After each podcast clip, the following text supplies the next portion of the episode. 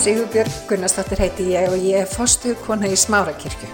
Við langar til þess að bjóða þið velkomin í hlaðvarpan okkar en hér ætlum við að tala uppbyggjandi og hvetjandi orð. Ég vona svo sannlega að þetta blessi þig og hveti þið áfram til að gera góða hluti í lífinu. Nýtt ár komið. Og um, búið að vera mjög sérstætt ára. Við erum, ætla ekki að fara að tala mikið um það, ég heldur sem búin að segja það okkur, hvað oft okkar á milluröglega, hversu sérstætt þetta síðasta ár 2020 hefur verið og var fyrir okkur. Svolítið svona eins og í skaupinu, hvernig skaupið byrjaði í muniði. Það sem að lífið fullt af bjarsinu og hleypur út og gutt og hleypur á árið. Steift niður, stoppar hana bara í spórunum. Nú erum við full eftirvæntingar og bjarsinu vonar um það að við losum okkur þessu óværu.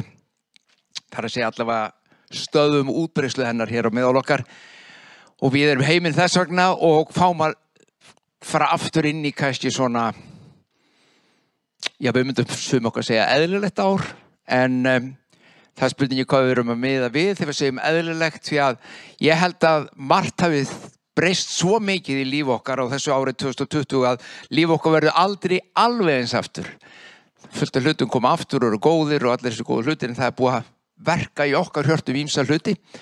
Uh, ég hef heyrt það frá mörgum að þeir hafa staldra við einfallega vegna þess að þeir urðu að staldra við.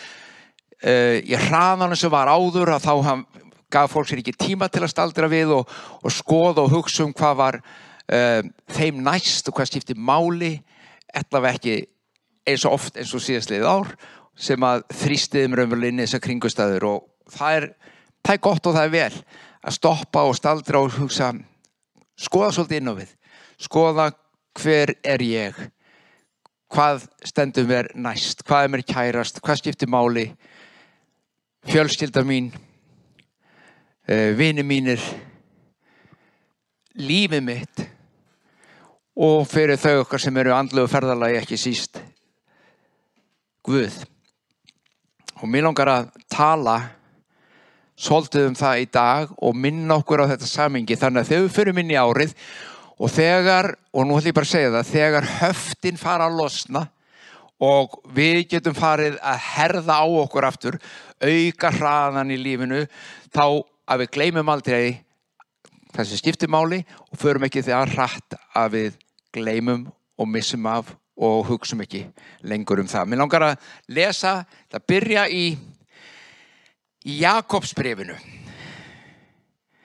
Jakobsbrefið er Uh, já, það er svona ekkert endilega vinsalsta brefið alltaf af kristna menn að lesa vegna þess að það eru svona alls konar fyrirmæli þar og svona sem að sem finnst óþægileg en það er líka allt í lagi að taka þau með naus, það, ef það er ekki bara nöðsilegt en hér er í fyrsta kaplánu strax alveg gullmóli og, og við ætlum að byggja svolítið á það sem ég tala um á þessum versum það lesa frá versi 17, vers 17 og 18 í fyrsta, eða í almenna brefi Jakobs, fyrsta kapla.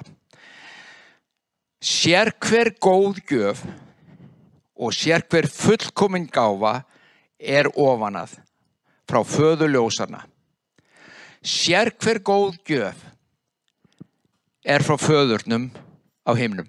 Með öðrum orðum, Guð, Fadur á himnum gefur aldrei nema góða gjafir hann mun aldrei skamta þér vondum gjöfum. Hann mun aldrei koma því að hann segir, ah, haldur minn, ég kláraði bara alla góðu gjöfunar, en já, eina hennar sem er ekkit rosalega góð, viltu hana? Það er ekki í bóði.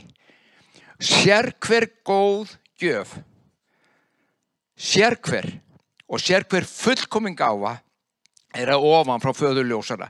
Svo kemur þessi elska næstu setningu, hlustu þetta hjá honum, þar að segja hjá Guðuföðurnum er engin umbreyting nýja flögtandi skuggar hann er alltaf hinn sami það bregður aldrei skugg á hann. Það er ekki þannig að árið 2019 þá hafið þú haft einhverja mynda Guði. 2020 þá er hann einhvern veginn allt öðruvísi vegna þess að árið var kannski öðruvísi en hann breytist ekkert. Hann, þú kannski fannst fyrir honum á annan máta á 2020 heldur hún gerir 2019 þér fannst að leið, hann leiða þig á annan máta á 2018 heldur hún 19 og svo framvegs 2021 það við veitum ekki hvað það byrja skutti sér nema hvað að það er engi flögtandi skutti í honum. Hann er alltaf eins. Hans góðu gjafir býða þín þetta árið eins og öll önnur ár. Í dag eins og allara daga. Og þetta er alveg stórkosleitt lofórð Hann ákvað að láta orð sannleikans vekja okkur til lífs til þess að við skildum vera frumgróði sköpunar hans. Þetta er svolítið spegasetning. Hann ákvað, fadirinn á himnum, að láta orð sannleikans, Jésu Krist, vekja okkur til lífs til þess að við skildum vera frumgróði sköpunar hans. En býtum við, hann var löngum og skafið við erum ekkert frumgrúðu sköpunur hans hún er þúsundir, miljónar að hvað er nú gömul hvað er við að, að tala um að við séum frumgróði sköpunur hans þetta er, þetta er svo mikilvægur hlutur og fer fram hjá allt og mörgum okkar hans tilgangur var alltaf hans hugsun var alltaf hans Eh, Kólúsabriðu kallaða leindardóm.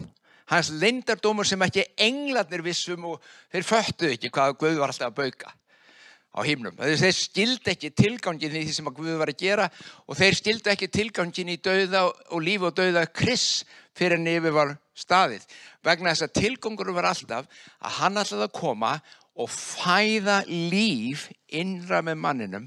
Hann ætlaði að fæða andlegt líf, setja hlut af sínu eðli þannig að þú og ég erum frumgróði sköpunur hans, nýja sköpunin. Gamla sköpunin var það engu. Hér nýja kom, sjá allt er orðið nýtt. Þetta var alltaf tilgangurinn hans, þannig að þú og ég eigum innra með okkur eitthvað sem er engu líkt nema Guði. Faldi því. Eitthvað innum með þér er til einhvað, er, er hluti sem hann er búin að setja inn í þig sem er eins og hann, sem líkist honum. Við erum frumgróði sköpunur hans og það er þetta sem ég langar að tala um hans núna og segja, minn okkur á, hver er, hver ertu? Hver er ég? Og þá ætlum ég að fara í Mattius og Guðspjall. Hér er þekkt saga. Mattius 8, fyrstu versin. Nú gekk Jésús niður af fjallinu og fylgdi honum mikil mannfjöldi. Þá kom til hans líkþrár maður, laut honum og sagði, drottin ef þú vilt, getur þú hreinsað mig. Jésús rétt út höndina, snart hann og mælti, ég vil verður þú hreitn. Japskjótt var þann hreitn af líkþráni. Þessi saga, eða frásaga af lækningakraftaverki Jésu er stórgóðsleg á svo margverslega máta. Hún er náttúrulega stórgóðsleg þó ekki verið bara fyrir líkþráamannin sem að fekk lækninguna. En líkþráir menn, holdsveikir, þeir voru óhreinir og það mátti ekkert koma við þá.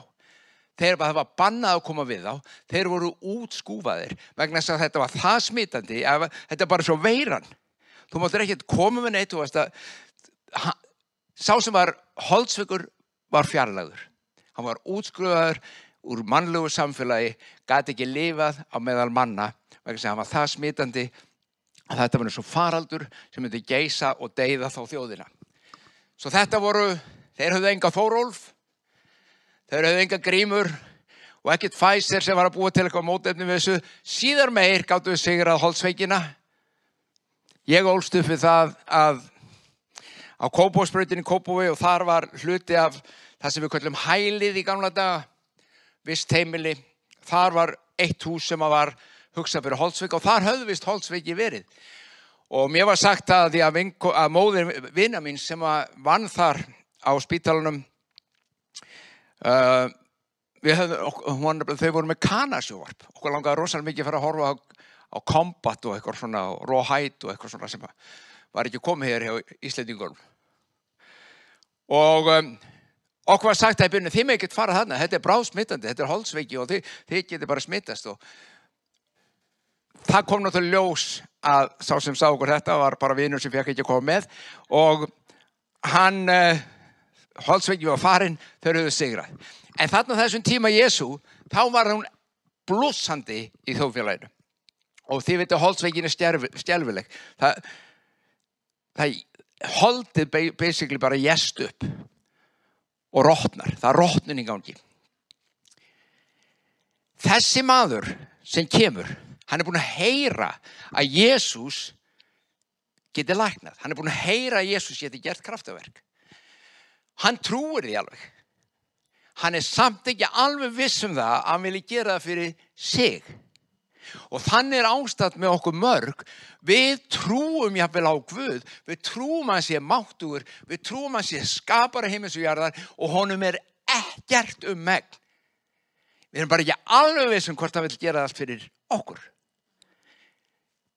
Ég, af hverju ætti hann að gera þetta fyrir mig?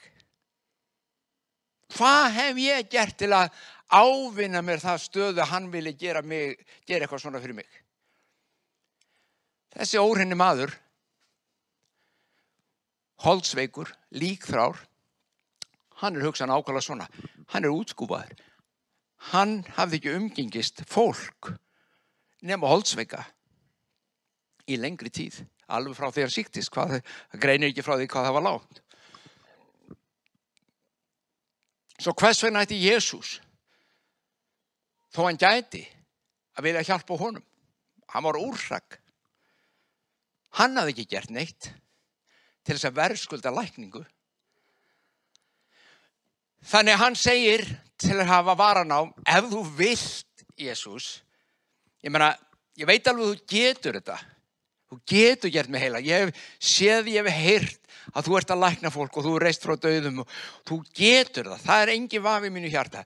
En ef þú bara vilt gera þetta fyrir mig, þá þau um að lækna mig. Hversu mörg okkar efast einmitt um þetta? Ekki bara varandi lækninga, heldur bara hvað sem er í lífinu sem við erum að byggja um og spurjum. Ef þú vilt.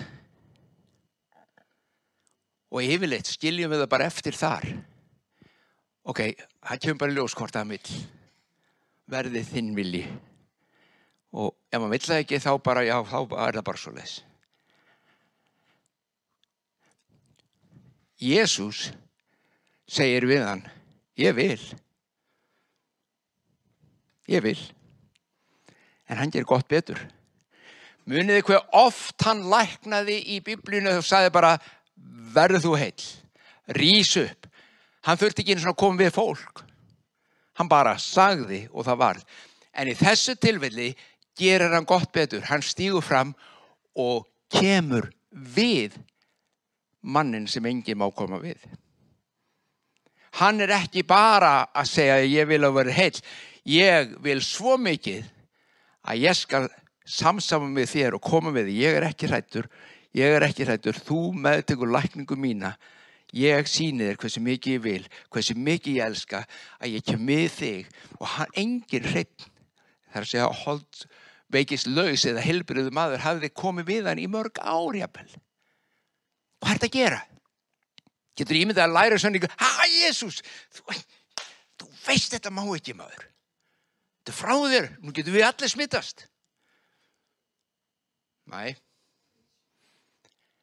Hann sagði bæði ég vil og ég get. Þú getur treyst í og ég ætla að sína þér úr orðinu og meðal annars þess að ég vil lesa í Jakobsbrefinu að þú getur treyst í hann ekki bara getur gert það í þínu líf sem þú þarnast hann vill að líka. Og af hverju? Sér hver góð gjöf er frá honum. Hann gefur bara góða gjafir þegar hann gefur gjafir. Hann kemur aldrei og segir nei. Hann sagði ekki á holsveikjumann nei nei ég Ég, þetta get ég alveg lækna en ég bara, það stendur ekki til. Það er engin góð gjöf fyrir þig. Næ, hún var til staðar og hlustum svo úr Efesus. Af hverju skiptir þetta máli? Hvernig snerti þetta að vera frumgróði hans? Hlustið á. Því að fara í smá grísku ef það er í lagi. Fyrsti kapli, Efesus. Frá versi þrjú. Lofaður sé Guð og fadir drottis vors Jésu Krist. Það er fadurinn heimnum sem að gefa bara góða gjafir og engin skuggir til í honum. Hann hefur blessað okkur með allri andlegu blessun heiminsins. Hvað eru öll andlegu blessun heiminsins? Það hlýtur að vera yfirflæði. Og þarna enninu sinni er verið að staðfesta, byrju, nei það er engin mörg. Ég er ekkert hérna með sumtandi þér og ekki eitthvað annað. Það er bara öll andleg blessun heiminsins er þér gefin. Áður en grunnur heimsins var lagður, áður en hann skapaði heiminn og jörð, útvaldi hann okkur í Kristi. Það er að segja að það er leindardómurinn sem ég var búin að tala um á hann. Hann var búin að hugsa það frá upphafi. Ég ætla að búa í þessari sköpun. Ætla að það, þessi aðeira, maðurinn verður hús, húsið mitt.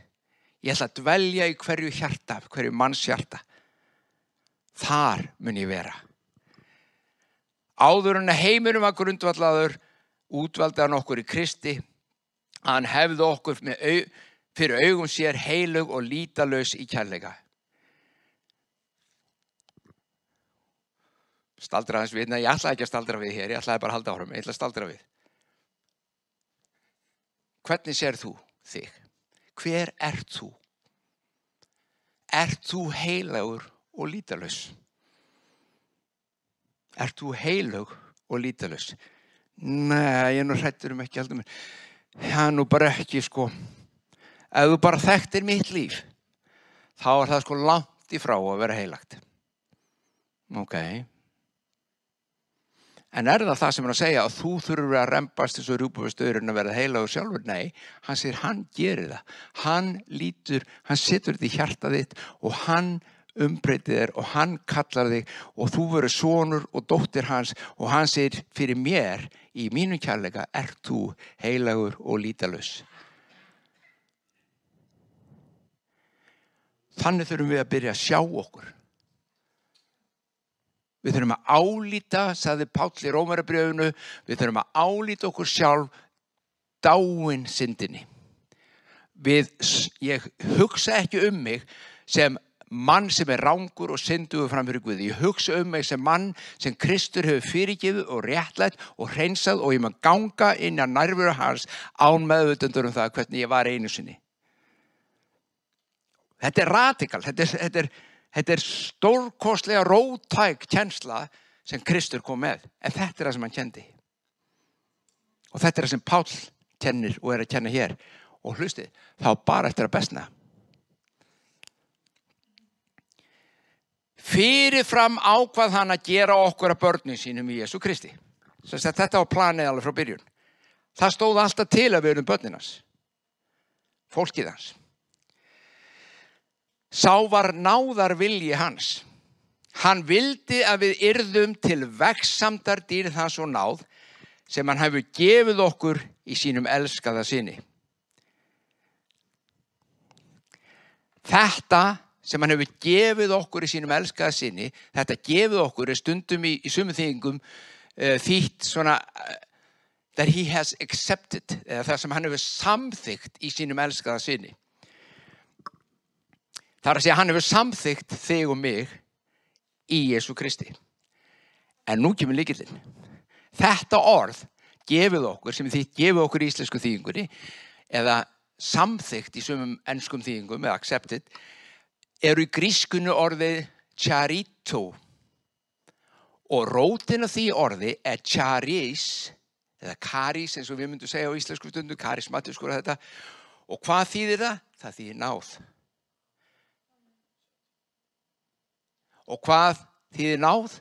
Það þýðir velvili Guðs til þín og mín óversköldaður. Það þýr velþóknun. Guð hefur velþóknun af því þú ert frum gróður, frum gróði hans. Þú ert barnið hans, sonur og dóttir. Og þá dettur mann í hug, það kemur í hugan, munið þegar Jésús var skýrast og þá kom rötta himnum, dúvan kom og sagði, þetta er minn elskaði sonur sem að ég hef velþóknun á. Kristur var frumburður margra svona og dætra Guðs, segir biblían. Hann var sá fyrsti sem fættist í anda. Hann reysi ekki bara frá döðum, hann fættist í anda. Þú og ég erum komum á eftir og allir henni trúið í heiminum. Og Guð lítur yfir þig og mig og segir, ég hef velþóknun. Þú ert dóttir, þú ert dóttir mín sem ég hef velþóknun á. Þú ert sónum minn sem ég hef velþóknun á. Af hverju? Vegna þess að var búin að ákveða það að þannig er það í Kristi. Þetta hefur ekkert, þetta er, þetta er svo rótagt og þess vegna er að segja, hver ertu? Þess vegna vil ég að skoða þér inn í þetta ár, hugleita þetta ár, hver er ég?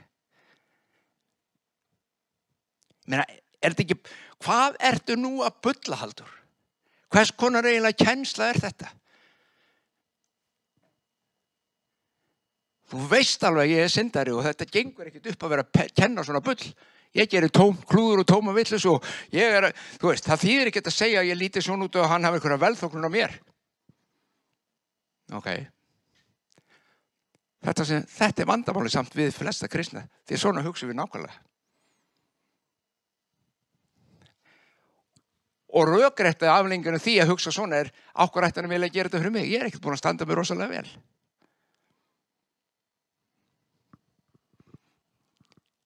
hver ertu? Nú ætlum ég að segja ykkur, og þegar ég hef sagt þetta áður, með er sé að Davíð konungur í gamla sáttmálunum, Kristur var ekki eins og komin þegar Davíð var kongur í Ísrael og hann fekk hann vitnesmur frá Guði að hann, sko Guð, hann var maður eftir hans hjarta, sagði Guð.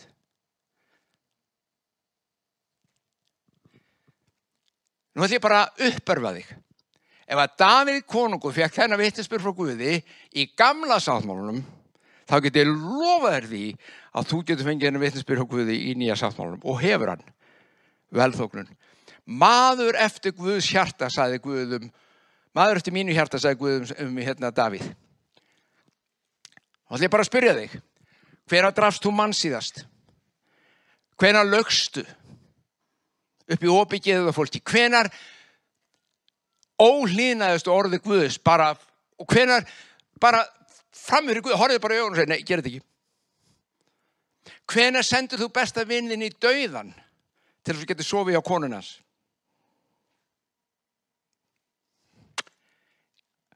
Enginn sem er réttur upp hönd. Þetta var Davíð. Og Biblíðan segir hann var maður eftir mínu hjarta, sagði Guð. Af hverju? vegna þess að hann skildi að þetta var ekki háði hversu frábær hann væri, þetta var, þetta var háði hversu frábær Guð er. Guð vinnu verkið og það er þetta kæri vinnur sem aðskilu kristendóminn frá öllum öðrum trúabröðum heimsins að þú og ég þurfum ekki, getum ekki, gert þetta í eigin mætti, hann fæðir þetta fram í okkur og hann lítur okkur svona augum og þess vegna segir Pál alltaf ég að líta mér svona augum. Ekki vegna sem ég finnst ég sjálf svo frábær, heldur vegna sem Guð segir að ég sé. Og Davík konungur, hann var nýbúin að ólina skuð og gera allar hann skandal, lendi miklu tjóni og Guð frelsar hann. Og þeim munir hvað hann saði, hann, hann fyrir viðtæli á stöð 2 eða ég mann ekki að rúfið einhverjum þegar að, þegar Guð er búin að frelsa hann og, og frettamæðurinn spyr, byrjuðu hvað okkur frelsaði þig úr þessu? Hann veit allir hvernig þú er búin að lifa og hvernig þú er búin að hegða þér. Okkur hann losað þig? Og hvað var svarið? lesið um þetta í sálmónum hvað var svarið hjá Davíð? hann er líka svo vel við mig maður ekki að grínast hann sagði, hún er líka svo vel við mig Nei, Davíð, þú ert eitthvað að miskileita. Þú meinar það að hann er svo góður að hann allar fyrirgefa það þó, en þú skal setja aftastabæk í kirkjur í tíu ár því þú kemur ekki rétt fram að gera hér. Þú er synduðu maður. Nei, hún er líka svo vel við mig.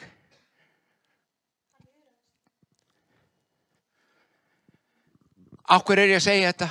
Til þess að þú og ég stöldur við áframaldandi inn í 2021 og þú spyrjum okkur, hver er ég? Förum ekki inn í 2021 og förum í gamla farið í trúni eins og við gerðum einu sinni og látum þetta bara leiðast einhvern veginn. Stöldrum við, skoðum. Ef þið, nú ætlum ég bara að uppur okkur líka með því. Þið þurfið ekki að trúa mínum orðum. Lesi þetta hér, gáðu hvort þið fáið sömu niðurstöðu og ég er að deila með okkur. Skoði það. Við erum réttlætt fyrir Krist blóð. Okkur er fyrirgefið og við erum endurfætt. Okkur er gefið þessu staða fram fyrir Guði að fyrir náð hans, fyrir fullkomi verkris hefur hann velþóknun á okkur. Það er frelsisverkið.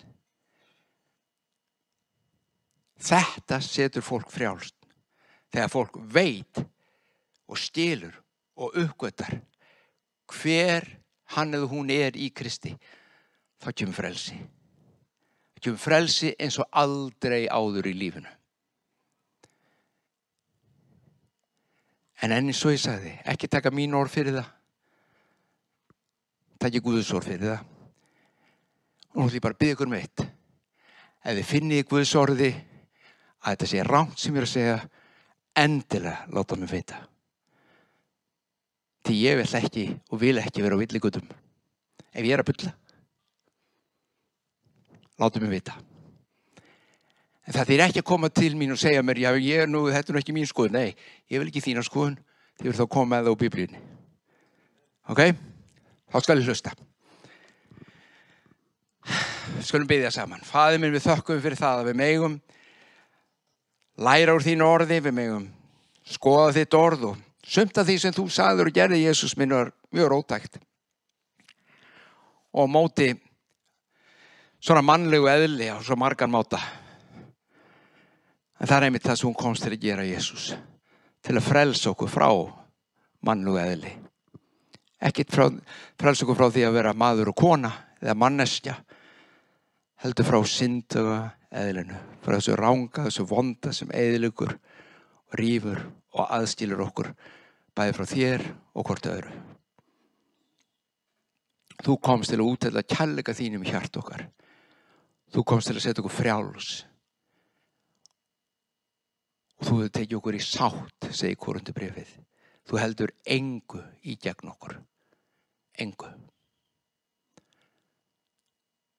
Og ekki bara getur dróttu minn mætt hverju þörf, heldur vildu mæta hverju þörf. Ég byrði fyrir sérkvörnum sem er að hlusta dróttu minn, byrði fyrir að orð þérna ná megin fram að ganga dróttu minn í hjörtu hversu eins og lækning þín streyma það sem hennar er þörf því þú getur og þú vild. Og núna þessari stundu veit ég að það er einhver að horfa á stjón sem er með mikla ég geti kannski best kalla bara yðrakveisu, það er mikla verki í kvíðarhóli. Og Guð læknar, hann segir ég vil verð þú heil þakkaði dróttum en þú gerur heilt og þau okkar sem eru að hlusta og ekki þekkið þennan Guð en vilja gjarn að taka fyrstu skröfin býðu ykkur þá bara að byggja upp átt eftir mér eða þið getið þannig að sé hljóði eru í þannig kringastæðum. Himniski fadir, ég kem fram fyrir þig og þakka þér að þú hefur gert allt sem ég þarf til að vera frjáls. Þú hefur gert allt sem ég þarf í líf mitt til að lifa í frelsi, friði og hamingju. Þakka þér dróttinu fyrir ekki um syndi mínar, rángindi mín, gerum mig heilan og tekum mig sátt og gerum mig að dóttur þinni, gerum mig að syni þínum. Kom þú í líf mitt, drótti minn, gerðu það sem þér vel líkar. Í Jésu nafni. Amen.